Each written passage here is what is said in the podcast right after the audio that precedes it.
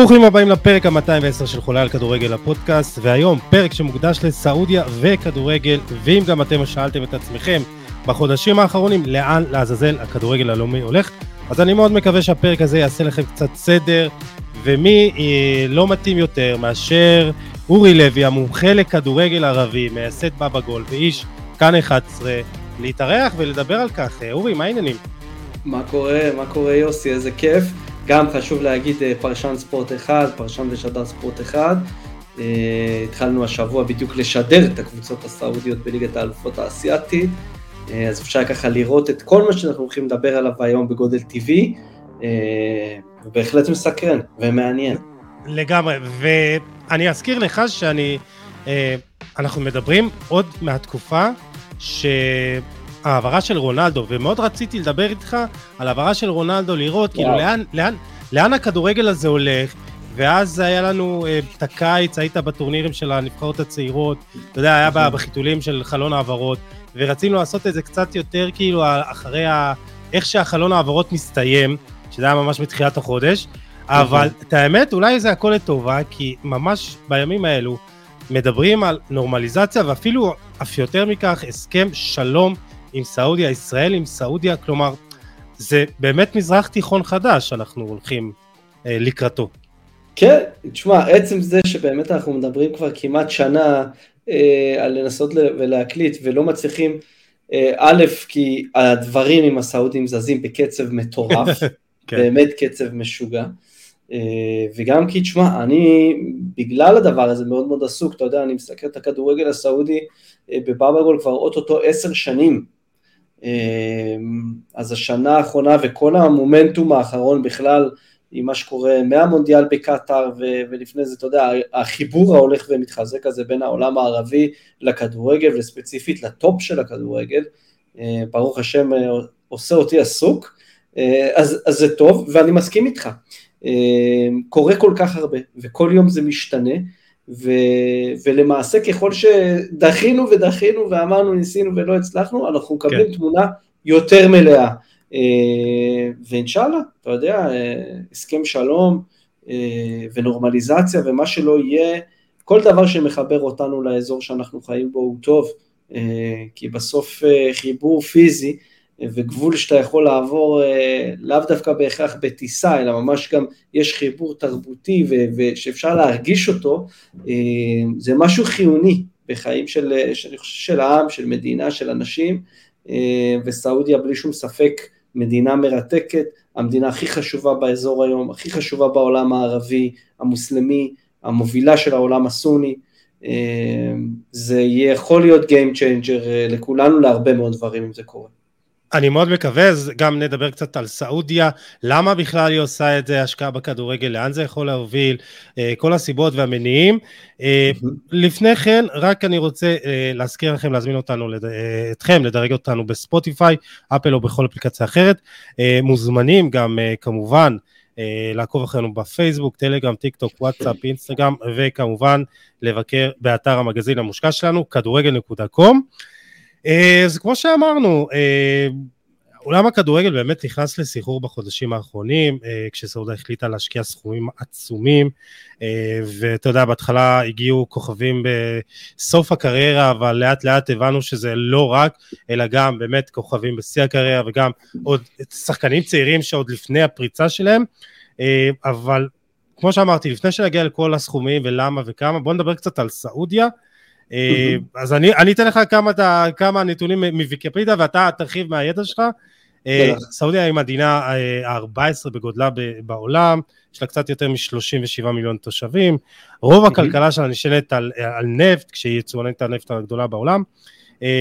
היא לא כל כך מתהדרת בשמירת יתר על זכויות אה, אדם, ושולט בה המלך סלמן בן עבד אל עזיז אל סעוד, שכרגע הוא לא בקו הבריאות, אז מי שבפועל מנהל את המדינה זה אה, בנו שיורש העצר, מוחמד בן סלמן.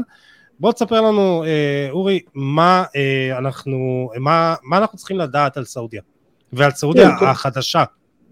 כן, אז, אז קודם כל אמרת יפה, הנתון היחיד שאפשר כאילו טיפה להרחיב סביבו הוא דווקא כמות האנשים שחיים שם, נכון? יש כמעט 37-38 מיליון לפי המקורות המערביים, אבל בשטח יש עוד מיליוני אנשים שקופים לא רשומים שחיים שם, אנחנו מדברים על הערכות של 50 מיליון, 60 מיליון איש שמסתובבים במדינה העצומה הזאת. וסעודיה... אזרחים או כאלה אנשים... גם וגם. או גם וגם. גם וגם, גם, יש שם הכל.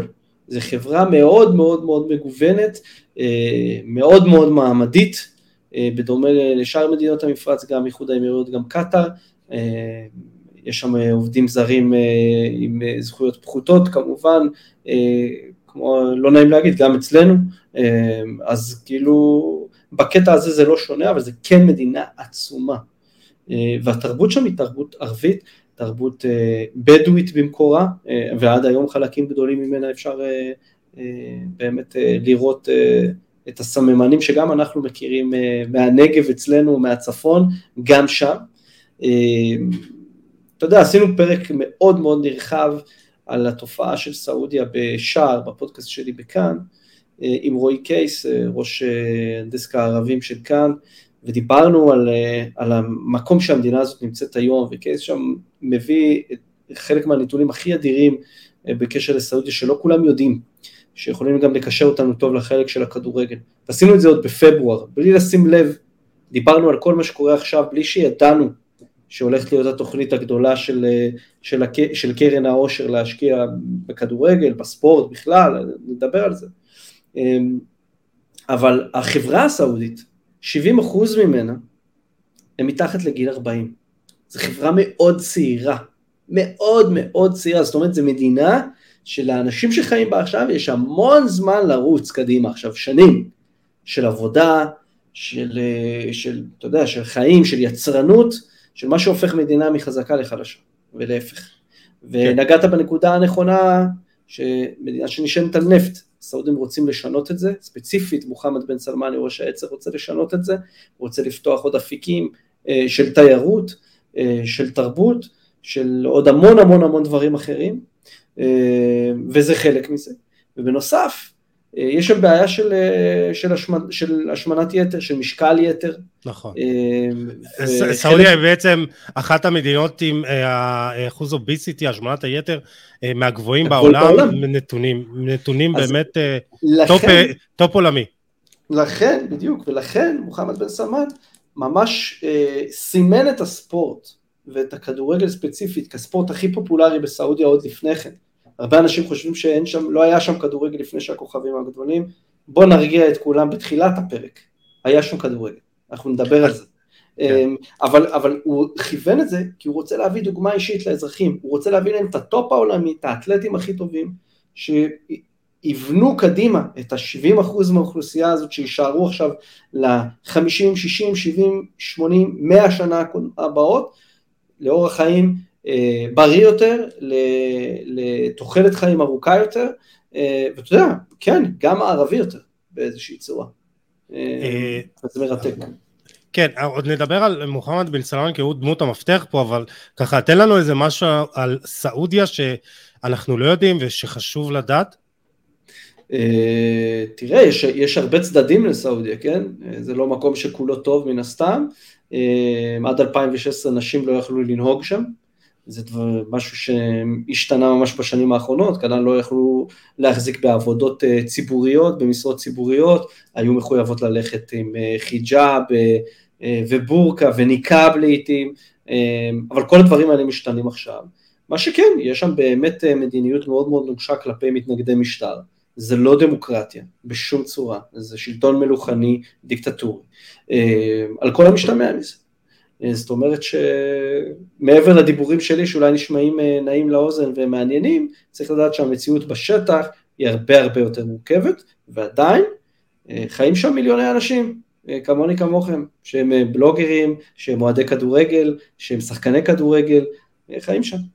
אז, אז לפני שנגיע לבן סלמן, אני, תספר לנו קצת על הכדורגל טרום המהפכה.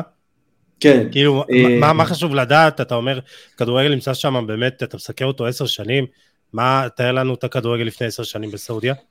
כן, אז הכדורגל, הכדורגל הסעודי הוא, קודם כל חשוב להגיד, אחת המדינות הבכירות באסיה, העפילה שש פעמים למונדיאל, הליגה הסעודית עוד הרבה לפני המהפכה הנוכחית הייתה הפרמייר ליג של העולם הערבי. כל כישרון ערבי גדול, סוריה, ירדן, לבנון, whatever, כיוון להגיע לשם. לעצור בדרך אולי באיחוד האמירויות או בקטאר, אבל כשרצית להגיע לבמות הגדולות, דיברת על סעודיה, דיברת על המועדונים הגדולים, אל איתיחאד ג'דה, אל אהלי ג'דה, אה, ג'דה זה העיר אה, על החוף שקרובה למכה, אה, שניים מארבעת המועדונים שזוכים לתמיכה הגדולה של הקרן הם משם, אל איתיחאד ואל אהלי, ומריאד הבירה מגיעים אל הילאל, אל הילאל ריאד, שיאנית הזכיות בליגת האלופות של אסיה, ארבע זכיות, 18, 17 אליפויות ליגה סעודית, באמת מועדון מפואר והקבוצה של המדינה תרתי משמע. ואל נאסר, הקבוצה של רונלדו, שגם לה יש מעמד מיוחד, היא גם אחת מהארבע הגדולות, אבל הרבה פחות הישגית מהלילל. זה לא אומר שיש לה פחות אוהדים. כן. מדובר בארגונים... עכשיו, עכשיו בטוח, בטוח שיש לה עוד כמה אוהדים בסעודיה. כן, אבל מדובר בארגונים שחשוב להגיש, גם לפני המהפכה וגם לפני הגעת הכוכבים הגדולים, היו להם מיליונים, מיליוני אוהדים. לפני, אני זוכר, לפני, עשו איזה, היה איזה חברה שהייתה מתעסקת בהשפעה של מועדוני כדורגל ב social media, פנו אליי, אני חושב שזה היה 2017 או 2018, קצת לפני המונדיאל, היה אז המונדיאל ברוסיה היה שיא של נבחרות ערביות, ארבע, ארבע נבחרות ערביות פעם ראשונה, פלוס איראן, חמש נבחרות מזרח תיכוניות, זה היה כזה vibe. והחברה הזאת פנתה אליי, אמרה לי, תשמע, אנחנו מנסים לאסוף נתונים על החשבונות social media של הקבוצות הגדולות במזרח התיכון, מי הכי, מי הכי הרבה, מי זה, ויצא שאל הילאל ריאד כבר אז, ב-2017-2018, הייתה המועדון השישי בעולם מבחינת כמות עוקבים, engagement, עניין, אחרי ריאל מדריד, ברצלונה, מנצ'סטר יונייטד, ליברפול, ביירן מינכן והאל הילאל. מעניין, חשוב... כן, מעניין לראות את ההשפעה של זה עכשיו, אבל... אה, ברור, עכשיו זה בכלל uh, מטורף, ואתה יודע, בברזיל כבר יש להם uh, כל מיני טורסידות כאלה, ארגוני אוהדים uh, לאל הילל, זה בכלל, וגם לנאסר, ברזיל אימצה כאילו את הליגה הסעודית לגמרי, זה מדהים לראות. כאילו, כל האלמנטים התרבותיים גם של הכאפיה וזה, אנשים בברזיל לובשים את זה בשידורים של הליגה הסעודית. אתה, אתה אומר, יש, יש חשבונות uh, טוויטר של אל הילל ברזילאו כזה. חד משמעית, בכמויות מטורפות, מטורפות. טוב, אה, טוב, אתה יודע, זה כמו שפה בישראל פתחו אה, מועדון המעריצים של אינטר מיאמי, פתאום אתה יודע, זה כן, ככה, כן. זה גדול. לא, גם כשרונלדו פתח, היה איזה קבוצה, מישהו פתח את זה לפי דעתי בקטע סאטירי, אבל היה מצחיק, אה, אוהדי אל-נאסר בישראל, זה הרג אותי כן, כן, לגמרי. כן, אבל תשמע, בגדול חשוב להגיד, זה ליגה עשירה מאוד עוד לפני כן, הייתה מושכת את כל הכישרונות הכי גדולים באזור, הייתה מושכת שחקנים מאירופה ומדרום אמריקה עוד לפני כן, והמשחקי דרבי שם היו באמת, ועדיין, זה תופעה, זה דבר מדהים, אה, גם הקלאסיקו סעודי, אלי אלי תחד, גם הדרבי של ג'דה, גם הדרבי של ריאד, משחקים, עשרות אלפי אנשים, אה, אלי תחד האלופה, עונה שעברה ממוצע קהל 40 אלף איש בעונה, אה, במשחקים הגדולים כמובן ממלאים אצטדיון של 62 אלף איש, אז כאילו, אתה יודע, הרבה אנשים אוהבים לפרסם כל מיני מספרים, ברור, סבבה, אם תיקח קבוצה, אה, אתה יודע, הפועל חדרה נגד הפועל קריית שמונה, זה לא מייצג עכשיו את הכדורגל הישראלי, נכון? אז כן. גם אין סיבה להסתמך על משחקים של קבוצות קטנות מהליגה הסעודית, חד משמעית, לא כל הליגה זה ארבעת הגדולות, אבל יש שם עוד מועדונים, יש שם עוד סיפורים, וזה היה גם לפני זה, זה פשוט קיבל עכשיו בוסט של כסף אינסופי. אז זהו, אז בואו בוא נדבר על הכסף האינסופי, ואני חושב שעוד לפני שנבין למה היא עושה את זה, דווקא נדבר על יורש העצר, מוחמד בן סלמן, בחור בגיל 38, תמיד התעניין בהתקרבות למערב, אה, בתרבות המערבית, אה, כמו שאמרת, בעצמאות סעודיה לא להתבסס רק על נפט, הוא מעוניין לפתח ערים חדשניות, דיברת על רפורמות שקשורות בזכויות אדם ונשים, מצד שני גם, בוא נדבר גם על המצד השני, אה, זכויות, אה, כאילו, אה, חופש עיתונות זה לא דבר שיש הרבה בסעודיה, וכמובן כן, יש את הסיפור שמוני קשר, כן, כן, כן, על העיתונאי... שמוני קשר בסיפור ג'מאל חשוקג'י, כן, מישהו שביקר את כן, רק תספר, תעזור לנו לפתור את הדמות המורכבת הזאת של מוחמד. קודם כל דמות מורכבת, אני, אני בטוח לא יכול לעזור לפתור אותה, אבל כן. uh, פשוט אפשר להגיד, אני חושב חד וחלק, בקצר, אחד האנשים הכי חזקים בעולם, בוודאי האיש הכי חזק בעולם האנרגיה, סעודיה היא שחקן מאוד רציני בשדה הזה, לא רק נפט, הם גם מתכוננים ליום שאחרי הנפט, רואים שהאמריקאים כבר עוברים לעבוד על פצלי שמן, גם הם מכינים את הדברים שלהם, אה, וסעודיה ומוחמד בן סלמן, אה, נכון שאמרת שהוא מנסה לקדם את סעודיה ולקח את סעודיה, אבל הוא עצמו גם מתמודד עם הרבה מוקדי לחץ בתוך סעודיה, אם זה אנשי הדת, אם זה ארמון המלוכה, לא פשוט להיות יורש העצר, יש עוד כל מיני יורשי עצר מיועדים, יש שם תחרות כן, זה כמו איזה טלנובלה כזאת, שאתה יודע, כולם רוצים אה, לרשת את טקס המלכות. נכון, ו- ואם לא לרשת את הכל, אז לרשת חלק, ולעשות ככה, ולעשות ככה, וזה מאוד מורכב. וסעודיה משחקת אה, גם, אתה יודע, על כל המגרש, היא עושה גם עסקים עם סין, היא מחדשת עכשיו ומחממת מאוד את הקשרים עם איראן. אה, העולם משתנה לנגד עינינו, וסעודיה תהיה שחקן משמעותי בעולם הזה, אה, בין אם זה עם הסינים, עם הרוסים, עם האמריקאים, ובעזרת השם גם איתנו. אבל כן. מה שהיה עד עכשיו ישתנה בשנים הקרובות, והוא, מוחמד בן סלמן, הוא אחד מאנשי המפתח בשינוי הזה. זהו, שאתה יודע, ראיתי איזה כמה דברים שאם לפני 30 שנה אה, מה, שמעתי היום הרבה רעיונות ברדיו, כן? Mm-hmm. קצת אה, פוליטיקה וחדשות, ואז דיברו שם שאם סבא שלו היה שומע שהוא אפילו רק חושב על, אתה יודע, לדבר עם ישראל או משהו כזה, הוא היה מתהפך, עכשיו הוא מתהפך בקברו, זה בטוח. כלומר, כן, הוא עושה לא הרבה דברים שהם... כן, לא יודע אם יצא לך לראות את הנאום, הנאום שהוא אמר שכל יום שעובר סעודיה יותר קרובה אה, באמת לנורמליזציה עם ישראל. אה, זה עדיין לא אומר שתהיה עסקה או שיש עסקה, אבל מן הסתם דברים קורים, זה מתקרב. כן. אה, ומה שמגניב היה, שהוא התייחס בריאיון שלו, אתה יודע, כל העולם מחכה לשמוע את הבן אדם הזה, והוא מתייחס בריאיון שלו למשחק ליגת האלופות האסייתית בין פרספוליס האיראנית לאל נאסר השבוע, אה, שבאמת אל נאסר קיבלה שם קבלת פנים מדהימה, לצערם של כולם, המשחק נערך בדלתיים סגורות. אני חושב שהיה שם, כאילו הפרסומים נגעו שם לאיזה עונש ישן שהיה לפרספוליס מ-2021, אה, איזה משהו, איזה תלונה של ההתאחדות ההודית על זה שאוהדים של פרספוליס העליבו את אה, גואה, פגעו ברגשות העם ההודי, היה שם איזה חרטוט, סליחה על הביטוי. כן. אה, אבל שלוש שעות לפני המשחק הם מודיעים שהמשחק קורה ללא קהל, עם קהל שנבחר מראש. עכשיו זה מזכיר, מסביר קצת על אסיה ועל המזרח התיכון שהאיראנים לפי דעתי מה שקרה שם על רקע התחממות היחסים מחדש עם סעודיה לפי דעתי הם מאוד חששו, אצטדיון הזרדי 80 אלף איש, הם מכרו לפני המשחק 67 אלף כרטיסים, כולם קיבלו refund, הם חששו לפי דעתי שהם לא יצליחו להשתלט על, על, על האוהדים שם, שאנשים ירוצו לדשא ואתה יודע, יתחבקו ויצטלמו עם רונלדו ו, ושיהיו שם סצנות שהם לא רוצים אה, אה, להצטייר מול הסעודים כחלשים יותר או מתרפסים יותר, אלא להמשיך את הזיכרון הזה של קבלת פנים מכובדת, וזה באמת היה. אז מוחמד בן סלמן התייחס לזה ואמר, האיראנים קיבלו אותנו יפה, אנחנו מודים לעם האיראני על קבלת פנים לנאסר, אז אה, כן, מי שתוהה איך כל מה שקורה בכדורגל קשור ליורש העצר, קשור מאוד. הוא רואה והוא עוקב והוא, והוא בעד. זהו, שזה מראה לך גם מה הכוח של הכדורגל, כי בסוף, אתה יודע, מה שלא הצליחו לעשות כל כך הרבה שנים ואנשים, עושה הכדורגל, כאילו, זה, זה מדהים. אמת, כאילו, תשמע, אנחנו, בין אם יהיה נורמליזציה או לא, אה, אם הכל תקין, יש לנו שחקן ישראלי שבשנתיים האחרונות היה השחקן הכי טוב בליגה פה, הוא ישחק בסעודיה נגד אלפחה בליגת האלופות האסייתית, ואנחנו נשדר את זה בשידור ישיר. אגב, גם את המשחק מאיראן שידרנו בשידור ישיר. אה, כדורגל באמת הוא, הוא גשר אה, פסיכי. לדברים אבל האלה. עדיין, אבל עדיין הסעודים מסרבים למכור לנו את הזכויות שידור של הליגה, כאילו זה עדיין לא שם. אה, תשמע, לא, יש דברים שאני לא יכול לדבר עליהם מן הסתם פה, אבל אני מקווה שזה ישתנה בקרוב. גם זה נמצא בכיוון חיובי, כמו עוד הרבה דברים, אבל לא יכול לפרט יותר מזה.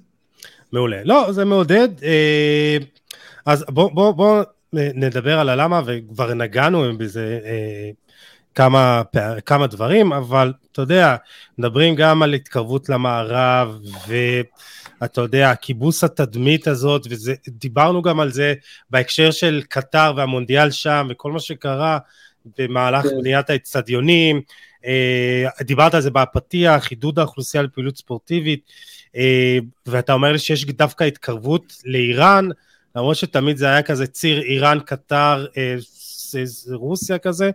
כן, מול... זה מה שאמרתי שהעולם משתנה, העולם משתנה מאוד, ו... וחלק מזה זה זה. אני חושב שמתחילים לראות שארה"ב אומנם היא עדיין האימפריה המשפיעה בעולם, אבל יש שם שינויים, יש שם שינויים. זה, זה לא מה שהכרנו. אה, ואנחנו רואים את הסינים מתחזקים ואת הרוסים מתחזקים, סעודיה רק לפני כמה זמן הצטרפה לברית שלהם, לבריקס, אה, ברית שמאחדת את רוסיה, סין, ברזיל והודו אה, ודרום אפריקה, אז סעודיה, איחוד האמירויות, ארגנטינה, אתיופיה, מצרים, גם הצטרפו לברית הזאת עכשיו. כל מיני דברים קורים בעולם, המשחק הגיאופוליטי... זה, זה, זה נראה לי שכולם כזה משחקים עם כולם, גם אנחנו, אם אנחנו כאילו, חייב להכניס לפה פוליטיקה, וגם בהקשר של כן, מלחמה בין לא אוקראינה לרוסיה, אז אנחנו גם. משחקים כאילו בין הזה. אתה מבין, הנה, רק עכשיו ממשלת ישראל חתמה איזה הסכם אה, שיתוף פעולה עם קרן הקולנוע הרוסית, כאילו, נכון. בואנה, אנשים מפציצים שם אנשים חבל הזמן, לא שזה, אני הייתי ברוסיה חודשיים, מדינה מטורפת ומדהימה, אבל כאילו, אתה יודע, אני אה, מאוד, אה, אני נזהר בקטע הזה של לדבר על חיבוס תדמית, אה, בהקשר שלנו, אה, אתה יודע, הרבה מאוד קולגות שלי מהמזרח התיכון, אני עובד באמת אה, בבאבא גול, אנחנו מסתכלים כדורגל מזרח תיכוני שנים, שקולגות ממרוקו ועד איראן כולל. אתה יודע, מה אתה על ההישגים האדירים של הנבחרות הצעירות שלנו בקיץ האחרון, אמרו לי, אה, זהו, עכשיו אתה תומך בספורט וושינג של הנבחרות הצעירות שלכם, הם מבחינתם, מה שקורה במדינת ישראל זה גרוע באותה מידה, אז זה המון בעיני המתבונן, כמובן שאתה יודע, אני עושה כמיטב יכולתי כדי להסביר ולהדגיש ולהראות מה הכדורגל שלנו דווקא הוא אי אדיר של דו-קיום ושל אה, אה, ההפך מזה בהרבה מובנים, אבל אתה יודע, מי אנחנו מסמנו בנושא הזה, אני לא אומר, ברור שיש גם את ענייני האקלים, שכל תעשיית הנפט אה, מאוד uh, מזהמת ו- ואפשר, uh, בסוף אם הולכים על הכיוון הזה יוסי, אז uh, אני שואל אותך עכשיו, איזה, איזה מדינה גרמה לסבל ליותר אנשים חפים מפשע בעולם הזה? ארצות הברית עם המלחמה בעיראק ואפגניסטן וונצואלה והיערות בקולומביה או סעודיה? אז, אז לא נראה NBA, לא נראה סרטים מהוליווד, כי נגיד שזה אינטרטיימנט וושינג או ספורט, לא, נראה את זה ונדע שגם יש הרבה דברים רעים וצריך להפעיל את הראש. היום עם ה-AI בטח, אבל עם האינטרנט יש את הכלים לדעת, יש את המידע, לראות עם קורטוב של מציאות כל דבר, ולדעת ליהנות ולבקר מה שצריך. ואתה חושב שדווקא ההתקרבות הזו למערב תמשיך את, ה- את התהליך הטוב והבריא הזה של יותר זכויות אה, אדם, חופש עיתונות, חופש תנועה בסעודיה? אני גם יודע, אני, אני, קדמה זה בטוח יביא, אבל אני גם חושב שהנה הם יוצאים קדימה והם משתמשים בכל המשאבים שיש להם כדי לשפר גם לאזרחים שלהם וגם, אה, וגם החוצה, אז כאילו אני חושב שזה, אתה יודע, זה מין פועל יוצא, תהיה יצירתי, תרצה להתקדם, הקדמה תגיע אליך. אה, בהרבה מובנים גם, אה, אתה יודע, זה יכול להיות יהיה הרבה יותר מתקדם מהמערב, ומוחמד בן סלמן ב-2018 באמת היה לו נאום כזה, שהמשימה שלו והמשימה של סעודיה זה להפוך את המזרח התיכון ואת סעודיה במרכז שלו אה, לאירופה החדשה, למקום שממנו יבוא הרנסאנס הבא. זהו, יש את עניין הפרויקט אה, הדגל, הליין פרויקט, הרכבת הזאת שחוצה את סעודיה והכל, ובאמת, תספר לנו מה באמת קורה שם. אה, כן, האמת, פרויקט הרכבת זה פרויקט אה, מעניין,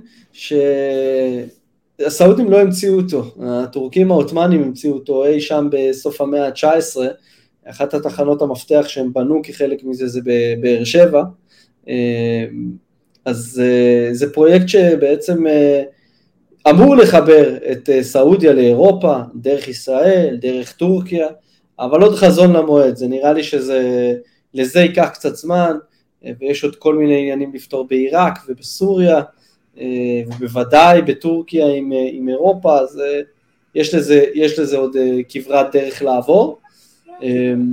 זהו. ואולי בוא נדבר על מטרת העל הספורטיבית, אירוח מונדיאל, אירוח אולימפיאדה, דיברו על 2030, הצעה שכבר לא, זה לא, לא יהיה. זה לא דווקא מטרת כן. העל.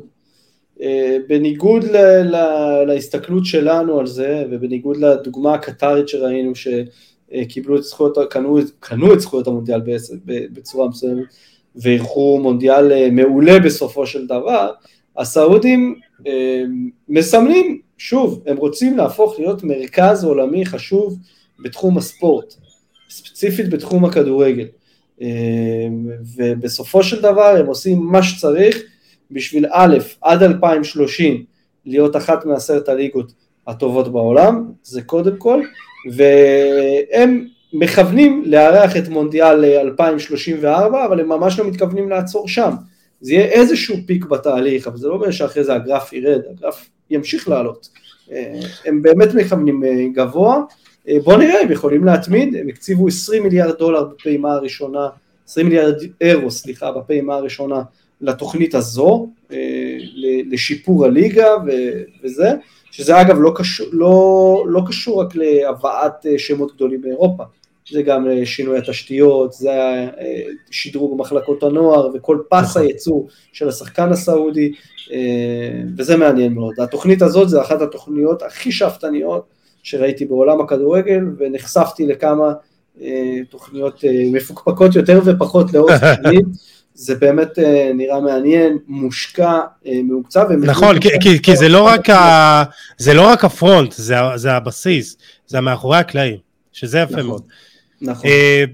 טוב, בואו בוא באמת נגיע לאיך בפועל, ומבחינתי יש כמה נקודות קריטיות שגרמו כן. גם לסעודים אתה יודע, אה, גם להבין וגם אה, אה, סימן לבאות, אני חושב שזה מתחיל, ותקן אותי אם אני טועה, יכול להיות שאני ככה סתם מדבר, ברכישה של ניוקאסל באוקטובר 2021, קרן ההשקעות הציבורית הסעודית, חברה ממשלתית שכמובן בראשותו של מוחמד בן סלמן, רכשה את, את המועדון מהפרמייר ליג, אז הם הבינו שקודם כל, לפני כאילו כל המהפכה שהם רוצים לעשות, הם צריכים להיכנס לאירופה, ודווקא אה, בפרמייר ליג, אתה יודע, הליגה הטובה בעולם. אז קודם כל אני ארגיע אותך, ניוקאסל לא המועדון הראשון שהסעודים קנו בפרמייר ליג, הם קנו את שפילד יונייטד עוד לפני זה, אה, ושפילד יונייטד אה, כבר היה להם את הריצה שלהם בפרמייר ליג, ירדו ליגה, חזרו, הכל טוב, והסעודים לא הצליחו לקנות את ניוקאסל בפעימה אחת, הייתה שם סאגה שלמה של בדיקת נאותות, אתה יודע, ברפרנס אה, חזק לעסקת אה, בן חליפה ובדיקות הנאותות אה, של בעלים בכדורגל הישראלי, לצורך העניין. אז הסעודים עשו את זה, אני חושב, אתה יודע, הם, הם קודם כל רצו את ה... בסוף קבוצה בפרמייר ליג וקבוצה באחת מחמשת הליגות הבכירות באירופה, זה תכשיט שאתה חייב שיהיה לך במשחק הגלובלי היום, של ה soft power, של הכוח הרך, שזה השפעה לא באמצעות אה, לחימה, צבא, whatever, אז כמו שלקטאר יש את פריז סן ולאיחוד האמירויות יש את מנצ'סטר סיטי, סעודיה היו צריכים כבר להיות במשחק הזה מלפני זה. שפילד יונייטד היה ניסיון מאוד מאוד קטן, והם הבינו שהם צריכים ללכת בגדול יותר, ועל מועדון שגם, אתה יודע, ישרת את, ה, את המטרה, שבסופו של דבר, כן, צריך להגיד, המטרה של זה זה גם לשפר את התדמית של סעודיה בעיני האנשים הערביים, אבל זה היה רק חלק אחד, זה אפילו היה עוד לא, אני לא אקרא לו החלק הראשון, כי זה היה חלק מהעניין הזה רק להעמיד את סעודיה עם הכלים להיות כמו המדינות האחרות שמשפיעות דרך הכדורגל. אגב, גם הברית עושה את זה. זה אם לוקחים את אה, כל הליגות המקצועניות בארצות, באנגליה, 40, 40 אה, מועדונים באנגליה כיום נמצאים בבעלות אמריקאית, יוסי. זה כן. מאוד משמעותי, מאוד. אה, שרובם, אתה יודע, מסתובבים עם מצלמה ומצלמים איזה סדרת אה, נטפליקס, איזה טד לאסו כזה או אחר, אבל אמ, זה, זה משחק, זה משחק של השפעה, וניוקאסל היה הצעד הראשון, בקטע הזה אתה כן צודק, שניוקאסל היה הצעד הראשון כדי לעשות יישור קו. יש לנו גם קבוצה ב top של הכדורגל האירופי, עכשיו אנחנו נעשה את הצעדים הבאים ונבנה את הצעדים הבאים. הצעד הבא היה באמת להביא את רונלדו, אתה יודע, ולעשות A-B testing על איך, ניוקאסל לצורך העניין זה להשיג את המטרות כלפי חוץ, להביא את רונלדו זה יותר להשיג את המטרות כלפי פנים. כן, ו- אבל, ו- אבל, ו- אבל עוד לפני ההבאה של רונלדו, אתה לא חושב כן. שגם המונדיאל בקטאר גרם להם להבין, בואנה, אה, הקטרים האלה, המעצבנים האלה, יודעים להרים הפקה כזאת, אנחנו גם רוצים? כאילו זה, כן. זה גם, גם סעודיה וקטר, היה ביניהם הרבה אה, עלייה וירידה ב, ביחסים, אה, אתה יודע, אה, הרבה בעיות, ופתאום אומרים, הנה השכנים האלה, המדינה הזאת המעצבנת, מרימה מונדיאל, כולם כזה מתלהבים, הנה קטר, הכל יפה וזה, גם אנחנו רוצים, גם זה, אתה יודע, להוכיח למישהו יותר גדול. לא? זה תמיד במפרץ, אה, בכלל בתרבות הערבית יש הרבה מאוד תחרות, תמיד מתחרים בשכנים, תמיד מתחרים בזה, זה, זה טבעי וזה ברור חלק מזה. אבל הם אה, כבר ידעו, הם ידעו שהם, אה, שהם ילכו על זה בכל הכוח, הם קיבלו את הזכויות לארח את גביע אסיה 2027, את משחקי החורף של משחקי אסיה ב-2025, שגם הולך להיות מעניין מאוד איך הם הולכים לעשות את זה. אתה יודע, הרבה מאוד דברים מלאכותיים, כן, ערים של כן. שלג, למרות שיש אזורים בסעודיה שיורד בהם שלג, אמ, אבל כאילו, תשמע, זה חלק ממארג, המונדיאל, אני חושב שמבחינתם, כמדינה היחידה שיש לה באמת גבול יבשתי עם קטאר, אה, וכמי שהיה שם במונדיאל, אה, סעודיה הייתה הנבחרת הביתית בשלב הבתים, לכל דבר ועניין. היו המון סעודים, בכמות מטורפת. להזכירך, גם הנבחרת היחידה לנצח את אלופת העולם שבדרך. זהו, אני, אה, אני מניח ש, שגם זה היה, כאילו אנחנו כולנו זכרנו, היה יום חופש, אה, יום אה, שמחה לאומי או משהו כזה, אתה יודע, יום כן. חג לאומי, אז כן, כאילו, עשו שם יום חג זה לאומי. גם גרם להם להרגיש שבואנה, אנחנו, כאילו, יכול להיות שאנחנו טובים בזה. כן, תראה, מאוד מאוד מאוד גאוותנים וגאים בעצמם בסביבה האסייתית והמזרח תיכונית, אבל עולמית הם מודעים למקום שלהם, שהם לא בטופ, אבל הם מאוד רוצים להגיע לשם. חושב שכן, אה, אתה יודע, סלם אלדוסרי והגול ההוא והניצחון על ארגנטינה, וגם העובדה שארגנטינה הלכה וזכתה בסוף, זה, הם כבר בבאז על, על הסיפור הזה של להפוך להיות מדינה מובילה בעולם הכדורגל כבר uh, כמה חודשים טובים. טוב, אז, אז בואו בוא נתקדם, כי אני רוצה להספיק איתך עוד ממש כמה דברים. רונלדו, כמו שאמרת, באמת, כאילו זה היה השחקן שפרץ את הסכר, ואחריו בא המבול כזה, אתה יודע. אה, ההעברה שלו כנראה המשמעותית ביותר בכל הסיפור הזה. אם, כן, תחשוב אם הוא לא בא, מי יבוא אחר? קודם כל ברור, אני חושב שגם אחת הסיבות שהוא בא זה שהוא הבין את הפוטנציאל, הוא הבין את הפרויקט, הוא הבין את ההיקפים, אה, ורונלדו אוהב להיות חלוץ, פיוניר, הוא להיות זה שמתווה את הדרך. אה, אתה יודע, מגיל צעיר אני חושב, וגם בצורה שהוא משחק כדורגל, ו... וזה בכל המועדונים שהוא שיחק בהם, זה היה ככה יונייטד וריאל וביובה, ויובה זה אולי הפעם הראשונה שהוא לא בדיוק הצליח לעשות את זה, אמ, אבל הוא באמת היה סוג של A-B testing, של בדיקה. איך סעודיה מעכלת כוכב כדורגל בסדר גודל כזה, איך הכוכב מקבל אותה, איך שיתוף הפעולה הזו עובד. אחרי שהם ראו שזה עובד, הם הוציאו תוכנית סדורה אל הפועל. לא סתם הגיעו מישהו הגיעו, לא סתם, קרים בן זמה לא היה מגיע אם רונלדו לא היה עושה את זה. או אולי קרים היה מגיע, אבל אתה יודע, האחרים לא, נאמר כנראה שלא. אמ, על ההשפעה של רונלדו, אולי אחד האינפלואנסרים הגדולים בהיסטוריה, אפ דר עם דיוויד בקאם ואתה יודע, ואחרים, אה, זה היה צעד, תראה, כבר הגיעו לסעודיה זרים גדולים לפני כן, אבל זה, זה היה משהו ששינה את המשחק, ולקח איזה זמן, זה חשוב להבין גם אצל הסעודים ובכלל במפרץ, זה לא, זה למה אני אמרתי מההתחלה, זה לא זבנג וגמרנו, זה צעד קדימה, צעד הצידה, צעד אחורה, שני צעדים קדימה, צעד הצידה, צעד אחורה, ארבעה צעדים באלכסון קדימה, זה, ככה הם עובדים, אה, ו, ובאמת, אתה יודע, ברגע ששמו את רונלדו גם בעמדת השפעה מאוד גדולה, אז התוכנית שלהם, אה, שנקראת פייס, הראשי תיבות, Player Acquisition Center, אה, זה פשוט תוכנית מאוד מאוד מאוד מדויקת לאתר את השחקנים האלה, ה-A פלוס, A, B, B מינוס, שיסכימו לבוא לסעודיה ויסכימו להיות חלק מהפרויקט,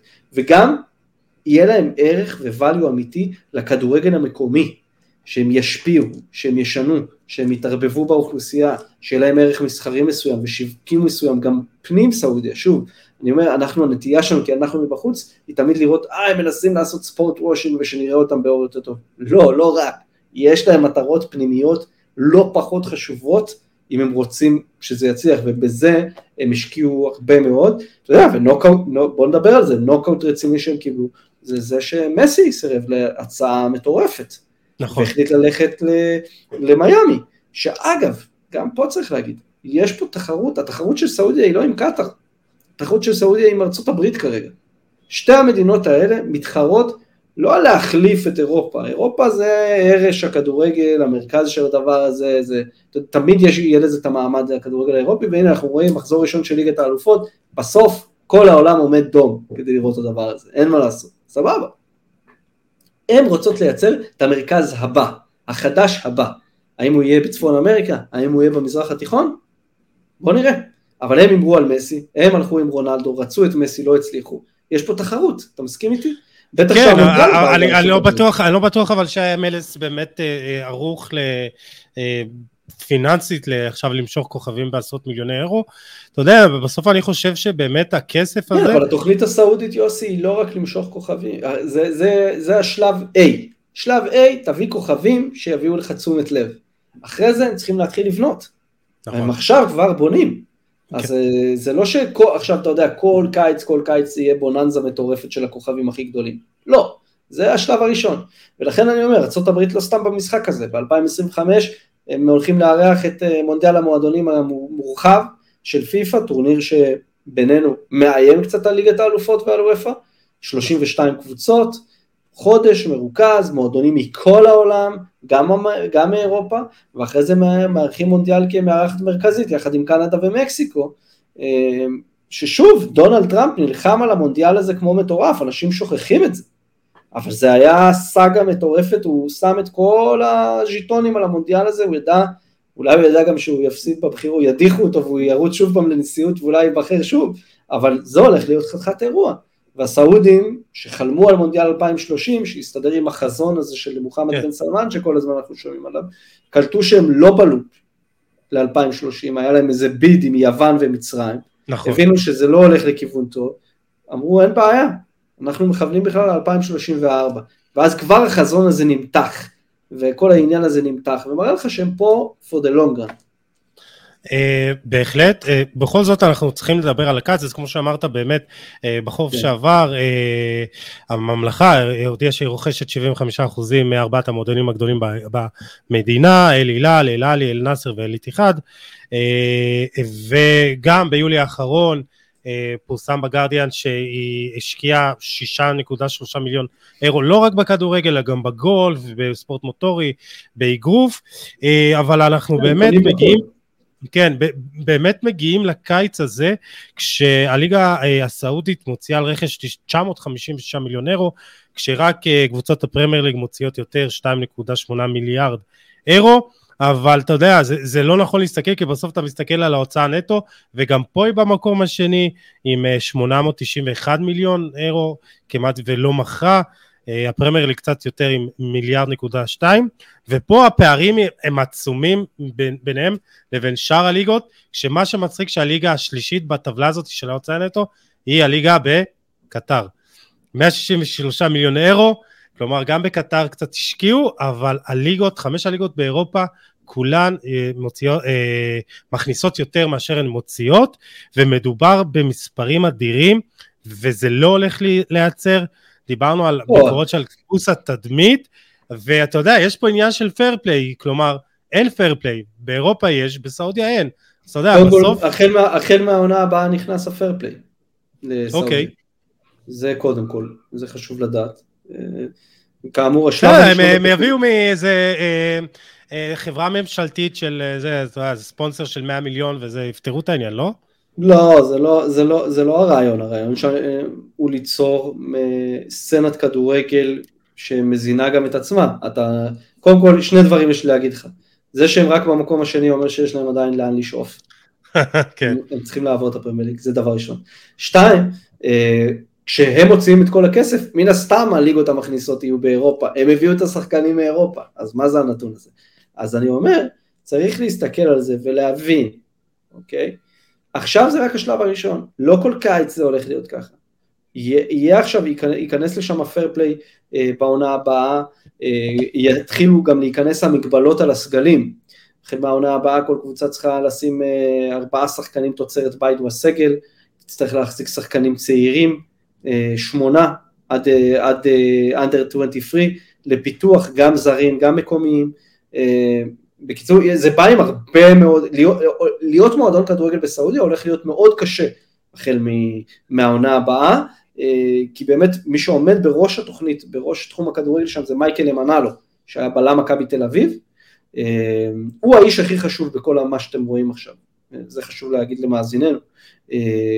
אברהם גרנט הביא אותו לצ'לסי בזמנו, והוא הפך להיות יד ימינו של האיש שבעצם עיצב את עולם הכדורגל כמו שהכרנו אותו בדור האחרון, רומן אברמוביץ'.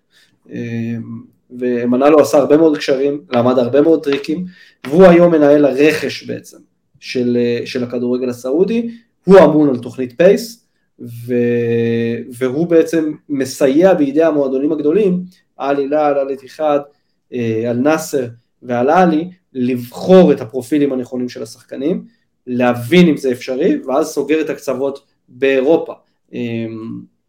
עכשיו, בנושא, גם עוזר למועדונים הקטנים, כן, כמו אל איתיפאק של אה, ג'רארד והנדרסון אה, ואל פתח של סלאבן ביליץ', ויש שם עוד כל מיני מועדונים קטנים שגם כן אה, רוצים לעשות דברים גדולים, אז הוא עוזר גם להם, אבל בסוף צריך להבין, זה רק שלב אחד, זה ילך ויתנרמל עם הזמן, ושוב, הם באו ליצור מרכז חדש של כדורגל, זה דורש השקעה כספית, זה לא, זה לא, ושוב אני מדגיש, זה לא יקרה, זה לא יקרה כל הזמן באותם uh, טורים של הקיץ הזה, כן, זה, אבל זה לא יזוז. אז זהו, ככה אנחנו ממש מתקרבים לסיום. כמובן שהיה גם את מסי שהזכרת, אבל גם קיליאן מבפה שקיבל הצעה, כאילו, קבל כמה כסף שאתה רוצה, תלך מתי שאתה רוצה, בסוף לא הגיע. כן. לוקה מודריץ' שסירב, מוחמד סאלח, רומלו לוקה. אבל דגש חשוב, יוסי, דגש חשוב כן. נגיד על ההצעות האלה, ועל מה שאנחנו שומעים וכל הדברים האלה. הרבה פעמים זה הצעות רק כדי שאתה בקצה תשמע, אתה יוסי מישראל, תשמע שסעודיה היו במשחק הזה. שאל איתיחד ניסו להנחית את מוחמד סלאח עד הרגע האחרון של החלון בסכום של 250 מיליון יורו. הם לא יעשו את זה. זה לא היה הסרט בכלל, ואני יכול להגיד לך מהמקורות באמת top קרובים לסלאח, לא היה סרט שהוא עוזב ליברפול. הוא אולי עוד יגיע לסעודיה. אבל השנה זה לא היה, אבל לך נשאר במוח ה-290 מיליון יורו שאל איתיחאד מציעים על מוחמד סלאח, אז זה משחק. ואגב, אפרופו sportswashing ושיפור תדמית וזה, זה גם חלק מזה, זה חלק מלייצר סיפורים גרנדיוזיים שמסתירים דברים שהם פחות רוצים שידברו עליהם, כמו כל מקום אחר בעולם. אז, אז הדיבורים על מוחמד סאלח בקיץ הבא וקווין בריינה ויונג מינסון ועוד כוכבים בקיץ הבא, אנחנו, כאילו, אה, לאיזה קיץ הבא אנחנו צפויים להגיע?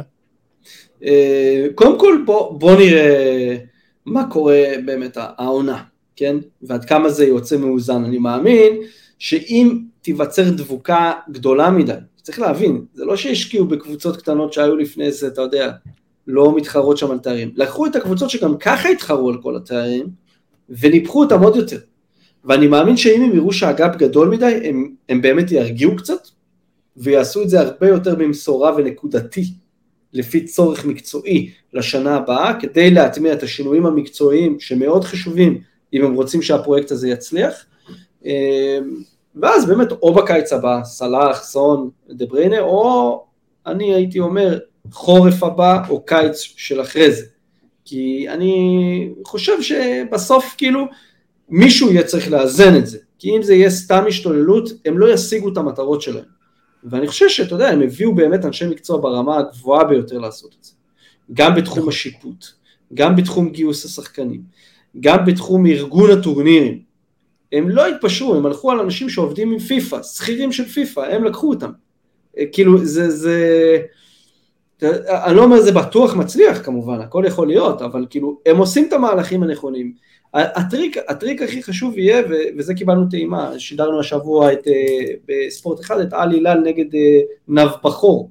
נבבחור, אני מניח שלא שמעת עליהם, קבוצה מאוזבקיסטן, פעם ראשונה בהיסטוריה שלהם הם במפעלים האסייתיים היבשתיים. בריאד, 27 אלף איש, ניימאר, מיטרוביץ', מלקום, רובן נבס, כולם בהרכב של אל הילאל, יש שם איזה gap בין הזרים שאפשר בליגת האלופות לעומת נכון. הזרים בליגה הסעודית, אז, אז בונו וקוליבאלי וזה לא היו שם, אבל בסדר, ומיליקוביץ' סאביץ', ודקה חמישים, עזוב, מחצית ראשונה נאמר שם, הסריח את הדשן, אפשר לדבר על זה, זה, מחצית שנייה, 1-0 לנב בכור, החזיקו את אלי לאל עד דקה 96 ב-1-0, בדרך לסנסציה, אז כאילו זה גם מראה לך שלמרות שאתה יכול לקחת 350 מיליון אירו, זה עדיין לא מבטיח לך קבוצת כדורגל טובה, בסוף הם השיגו את השוויון, כן? אז, אז ראינו אז... את זה עם אה, פריז סן ג'רמן, אתה יודע. כן, וראינו את זה עם עוד, כן. עוד המון המון אה, פרויקטים של גלקטיקוס לאורך השנים, אז, אז לאט לאט כאילו, אני חושב שהם יבנו את זה במשורה וינסו להשיג את המסקנות מהר, אין להם ברירה, זה הרבה כסף, וכל העיניים עליהם, אז כאילו, אני אומר ש... הדבר הזה עוד יפתיע אותנו, והמבחן הכי גדול יהיה, אם נניח הם היו מפסידים לנב בכור, האם הם היו מפטרים את המאמן ז'ורג' ז'סוס הפורטוגלי, כי אני אומר לך, הכדורגל הסעודי שלפני המהפכה, הפסד כזה לנב בכור, משחק ראשון ליגת אלופות האסייתית, הביתה. הביתה, זה כן. אין, אין, אין, אין סבלנות לדברים האלה.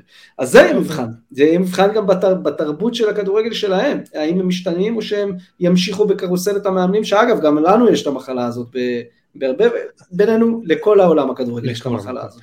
אה, שתי שאלות אחרונות ממש קצרות, אה, אה, אורי, ונסיים. מכל ההעברות של פבינו, ג'ורדן אנדרסון, מאחז, נאמר, מלקום, גברי ויגה, מה ההעברה שהכי הפתיעה אותך בקיץ? סעדיו מאנה, כאילו זה לא נגמר, כן? כן. הכי הפתיע אותי... תשמע, אני חושב שבנבס הבנתי שזה אמיתי לגמרי. נכון. נבס הבנתי שאם שחקן שהוא קפטן של קבוצת פרמייר ליג, שהיו לו הצעות בקיץ מטוטנאם, מביירן מינכן והתעניינות ממנצ'סטר יונייטד, בגיל 26 עוזב הכל והולך לסעודיה, זה אמיתי. יש שם משהו מעבר, כאילו רק לכסף הגדול.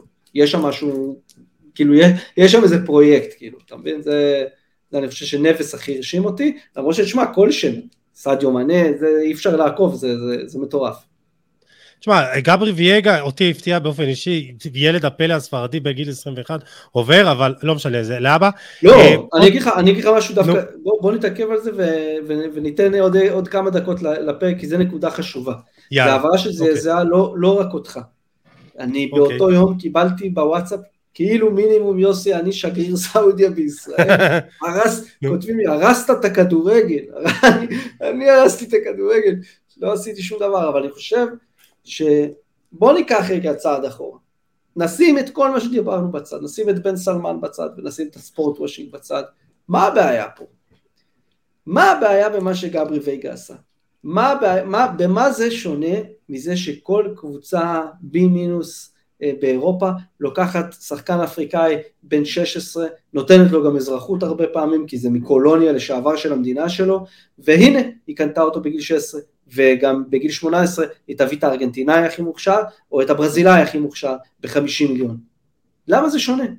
ואני חושב שההעברה של גברי וייגה היא מעבר לזה ש... תשמע, הוא כישרון, אני לא, לא חושב שהוא כישרון ב, ב, ברמה של הסכום שמשלמים לו כרגע, כן? עשרה כן. מיליון יורו עם כל הכבוד, אבל זה, זה הצהרתית היה קצת כמו נבס ואפילו מעבר לזה, זה היה להראות לאירופאים, אנחנו גם יכולים לקחת את השחקן הכי מוכשר שלכם ולשים אותו אצלנו, וכדי לרמוז לבאות. זה הרבה, הרי, הרי גברי וגה אתה לא בונה סביבו קבוצה, הוא גם הגיע לקבוצה עם ריאד מאחז ואלנסה מקסימן ופירמינו ועלה לי נראים מצוין והאוהדים שלהם באמת עד כה הם האוהדים המרשימים בליגה, אני מאוד ממליץ, אצלנו בבאבא גול כל הזמן בטוויטר אנחנו מעלים וידאוים של אוהדי הללי כי מה שקורה שם זה, זה פסיכי השנה וזה אוהדים באמת מצוינים אמ, אז, אז, אז אני חושב שזו הייתה העברה שהייתה העברת statement שזה לא אומר עכשיו יוסי שכל אה, קבוצה אירופאית צריכה עכשיו לדאוג על הכישרונות הצעירים שלה, אבל כן, אין שום, אין, בסוף מה ההבדל, מה ההבדל בין זה לבין מה שהאירופאיות עושות בדרום אמריקה ובאפריקה? אז הם יכולים והם לא יכולים, למה? בגלל המסורת? אז, אז כאילו אני אומר סבבה, אפשר לדון בזה, אפשר זה, אבל אני גם, אה, אני דווקא אהבתי את, האתגור, את האתגר שיש פה, ופייר צריך להגיד, כדורגל האירופי ניצב בפני אתגר מאוד מאוד קשה פה, אה, שאגב, יכול להיות הרסני, ושאנחנו כאוהדי כדורגל נצטער עליו, מצד שני, יכול להיות שזה יביא חידוש, וזה יביא איזה, זה, זה, זה, זה טורף את הקלפים. וזה לא זהו, לא אז, אז, אז נסיים וזה בדיוק מתקשר לשאלה האחרונה שלי, זה איפה אנחנו נהיה עוד חמש שנים, איפה הכדורגל העולמי יהיה עוד חמש שנים. עכשיו, אף אחד מאיתנו לא נביא, אנחנו תמיד מדברים כזה, משערים מה יהיה, אבל בסוף כן. אתה אומר שיש פה הרבה שחקנים שבוחרים את הכסף על פני האתגר, אם, אתה יודע, הם, הם לא הולכים לשם ל... אתה יודע, ליגה באירופה או קבוצה באירופה עם אתגר מקצועי מטורף, כן. לקבוצות הכי, מטור... הכי טובות ב... ב... במדינה. בשביל הרבה מאוד כסף. ואתה יודע, אני לא בטוח עד כמה הם השתפרו כשחקנים שם, כי הרמה היא עדיין לא הכי גבוהה. דיברת על ה top 10, נכון. אה, הליגה הסעודית במקום ה-27, מקום אחד לפני ישראל כרגע. שתדע, נכון. ליגת העל. נכון. אז, אז טוב, יאללה, מאוד, רק העתיד. אגב, מאוד, מאוד דומה, מאוד, השחקן המקומי בסעודיה מאוד מאוד מזכיר את הישראלי. ברמה הזאת שבסוף הטכ, הטכני, ויש שם יותר מדי שחקני כנף, וכל אחד הוא גם כנף וגם מגן וגם קשה, אתה יודע, כל הדבר הזה, זה מאוד מזכיר. אמ, איפה הכדורגל יהיה עוד חמש זו שאלה טובה. צריכים לקרות עוד הרבה מאוד דברים, אבל אני חושב שיש להם, עכשיו, בקיץ הזה, הם שמו על השולחן, הצהרתית, את זה שיש להם את כל הכלים כדי להקים את המרכז החדש הזה של הכדורגל שהם רוצים לעשות. אז אני מאמין שעוד חמש שנים אנחנו כבר הרבה יותר נהיה רגילים לזה ש... ליגת האלופות האסייתית זה תחרות שאנחנו רואים, לא באותה צורה של ליגת האלופות של אירופה כמובן, אבל... אה, לא תהיה ליגת האלופות עולמית? אני חושב שבסוף לשם זה הולך, בגלל זה אמרתי, מונדיאל המועדונים, אה, זה, זה פשוט, זה הולך להתחבר עם האינטרס של ג'יאני אינפנטילו ופיפ"א, ששוברים את הראש, איך עדיין ליגת האלופות של אירופה זה עדיין הטורניר הכי, אז עדיין הפנינה של עולם הכדורגל. אני חושב שברגע שהסעודים יתחברו עם אינפנטינו הרמטית, וילכו על הדבר הזה, על מונדיאל מועדונים כזה, או על ליגת אלופות עולמית כזאת, כמו שאתה אומר, שאגב תסריט הגיוני לגמרי, אה, וופא תהיה בבעיה. ואגב, ראינו כבר את, ה, את ה, כמה שברירי זה באירופה, עם הסיפור הזה של הסופר ליג אה, המנופח והמוזר כן. הזה, אז אה, אתה יודע, יש להם ממה לעבוד, בהחלט יש להם ממה לעבוד.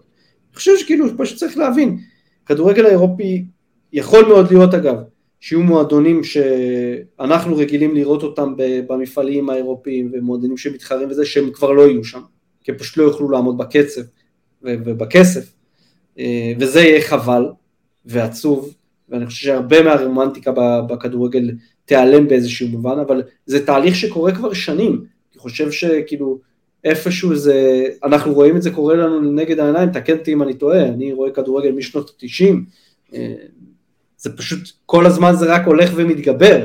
לא, אנחנו רואים גם את התוצאות בליגת האלופות, אתה יודע, פתאום 7-0, 7-1, כאילו הפערים באמת גדולים, אבל... לא, ואגב, יוסי, אתה מכיר כדורגלנים, אתה עובד עם כדורגלנים, נכון? ראיתי, כתבת לו כן, מזמן כן, כן. וזה. כדורגלנים רוצים כסף. כאילו, ופייר, ופייר, מי לא רוצה? כאילו, מה, אם, אני, באמת אני אומר לך, מי, מי לא רוצה להתפרנס, ומי, ובטח ובטח, אתה יודע, הרבה מאוד כדורגלנים באים מהמקומות, אני לא יודע, זה, אבל הם באים כמונו, הם באים מהשכונה, הם, הם, הם, הם, הם שיחקו על האספלט, ולא היה לאמא שלהם מה לאכול, והם מבחינתם, במי שנסדר את המשפחה שלהם דורות קדימה, אז מי, שמה, מי אנחנו שנגיד להם שזה לא בסדר, אתה יודע? אני מאמן, אני מאמן בליגה ב' את מ"כ ירושלים, ועוזר מאמן שם, ואני, אתה שואל את השחקנים, מציעים לך עכשיו, עזבו, עזבו עכשיו 20 אה, אלף שקל, 30 אלף שקל. ובמרקאט ששם יש שם את כן. כל העניין הדתי, היהודי, הזה החזק כן, כן, נדבר על זה, זה מועדון מרתק, כן? אוקיי. אבל הם אומרים, בטח שהם עוברים לשם, וזה עכשיו, תביא לי הצעה. טוב, מתי נראה לא שחקן ישראלי? לא, לא אגיד לך איזה שחקנים מליגת העל שלחו לי הודעה, מתי אתה מסדר לי טיסה לסעודיה, מתי זה, מתי פה, מתי שם. אז מתי זה יקרה? ובאמת נסיים עם זה, מתי שחקן ישראלי ישחק בסעודיה? בוא, עכשיו לעומר אצילי יש אחלה במה להראות מה שהוא יודע לעשות בליגת האלופות האסייתית, משחק ראשון הוא היה בחוץ בגלל הרוטציה של הזרים, אה, אבל אני חושב שהמשחק מול אלפחה, של, אגב, של סטויקוביץ' השוער ושל וואקמה, יהיה במה מאוד טובה להראות מה הוא יודע לעשות. ואם זה יבוא עם נורמליזציה, פו, אז, אז עומר אצילי השחקן הראשון בסעודיה, לפי הערכתך. הוא הכי קרוב כרגע, כן. יאללה. הוא הכי קרוב. Uh, טוב, היינו יכולים באמת להמשיך לדבר, וקצת גלשנו מעבר ליוזמה שכתבנו, אבל uh, היה מרתק. Uh, אורי לוי, uh, בבא גול, מייסד בבא גול, uh, כאן 11, וספורט אחד, uh, שדרן ופרשן. Uh, תודה רבה, באמת היה מרתק, וכיף גדול שבאמת סוף סוף הצלחנו להקליט את הפרק הזה. כן, העונג כולו שלי יוסי, וכל הכבוד לך על כל העשייה והתוכן שאתה מייצר. ובאמת ככה קהילה שמרגש לראות אותה צומחת וגדלה. תמשיך חזק ואמץ. Uh, תודה, ותודה לכם מאזינים ומאזינות, תודה שהייתם איתנו, אתם uh, מוזמנים לשתף, לטייג ולהאר את עינינו כמו תמיד, וניפגש בפרק הבא עם עוד תוכן מעניין ואיכותי. תשמעו על עצמכם, יאללה, ביי.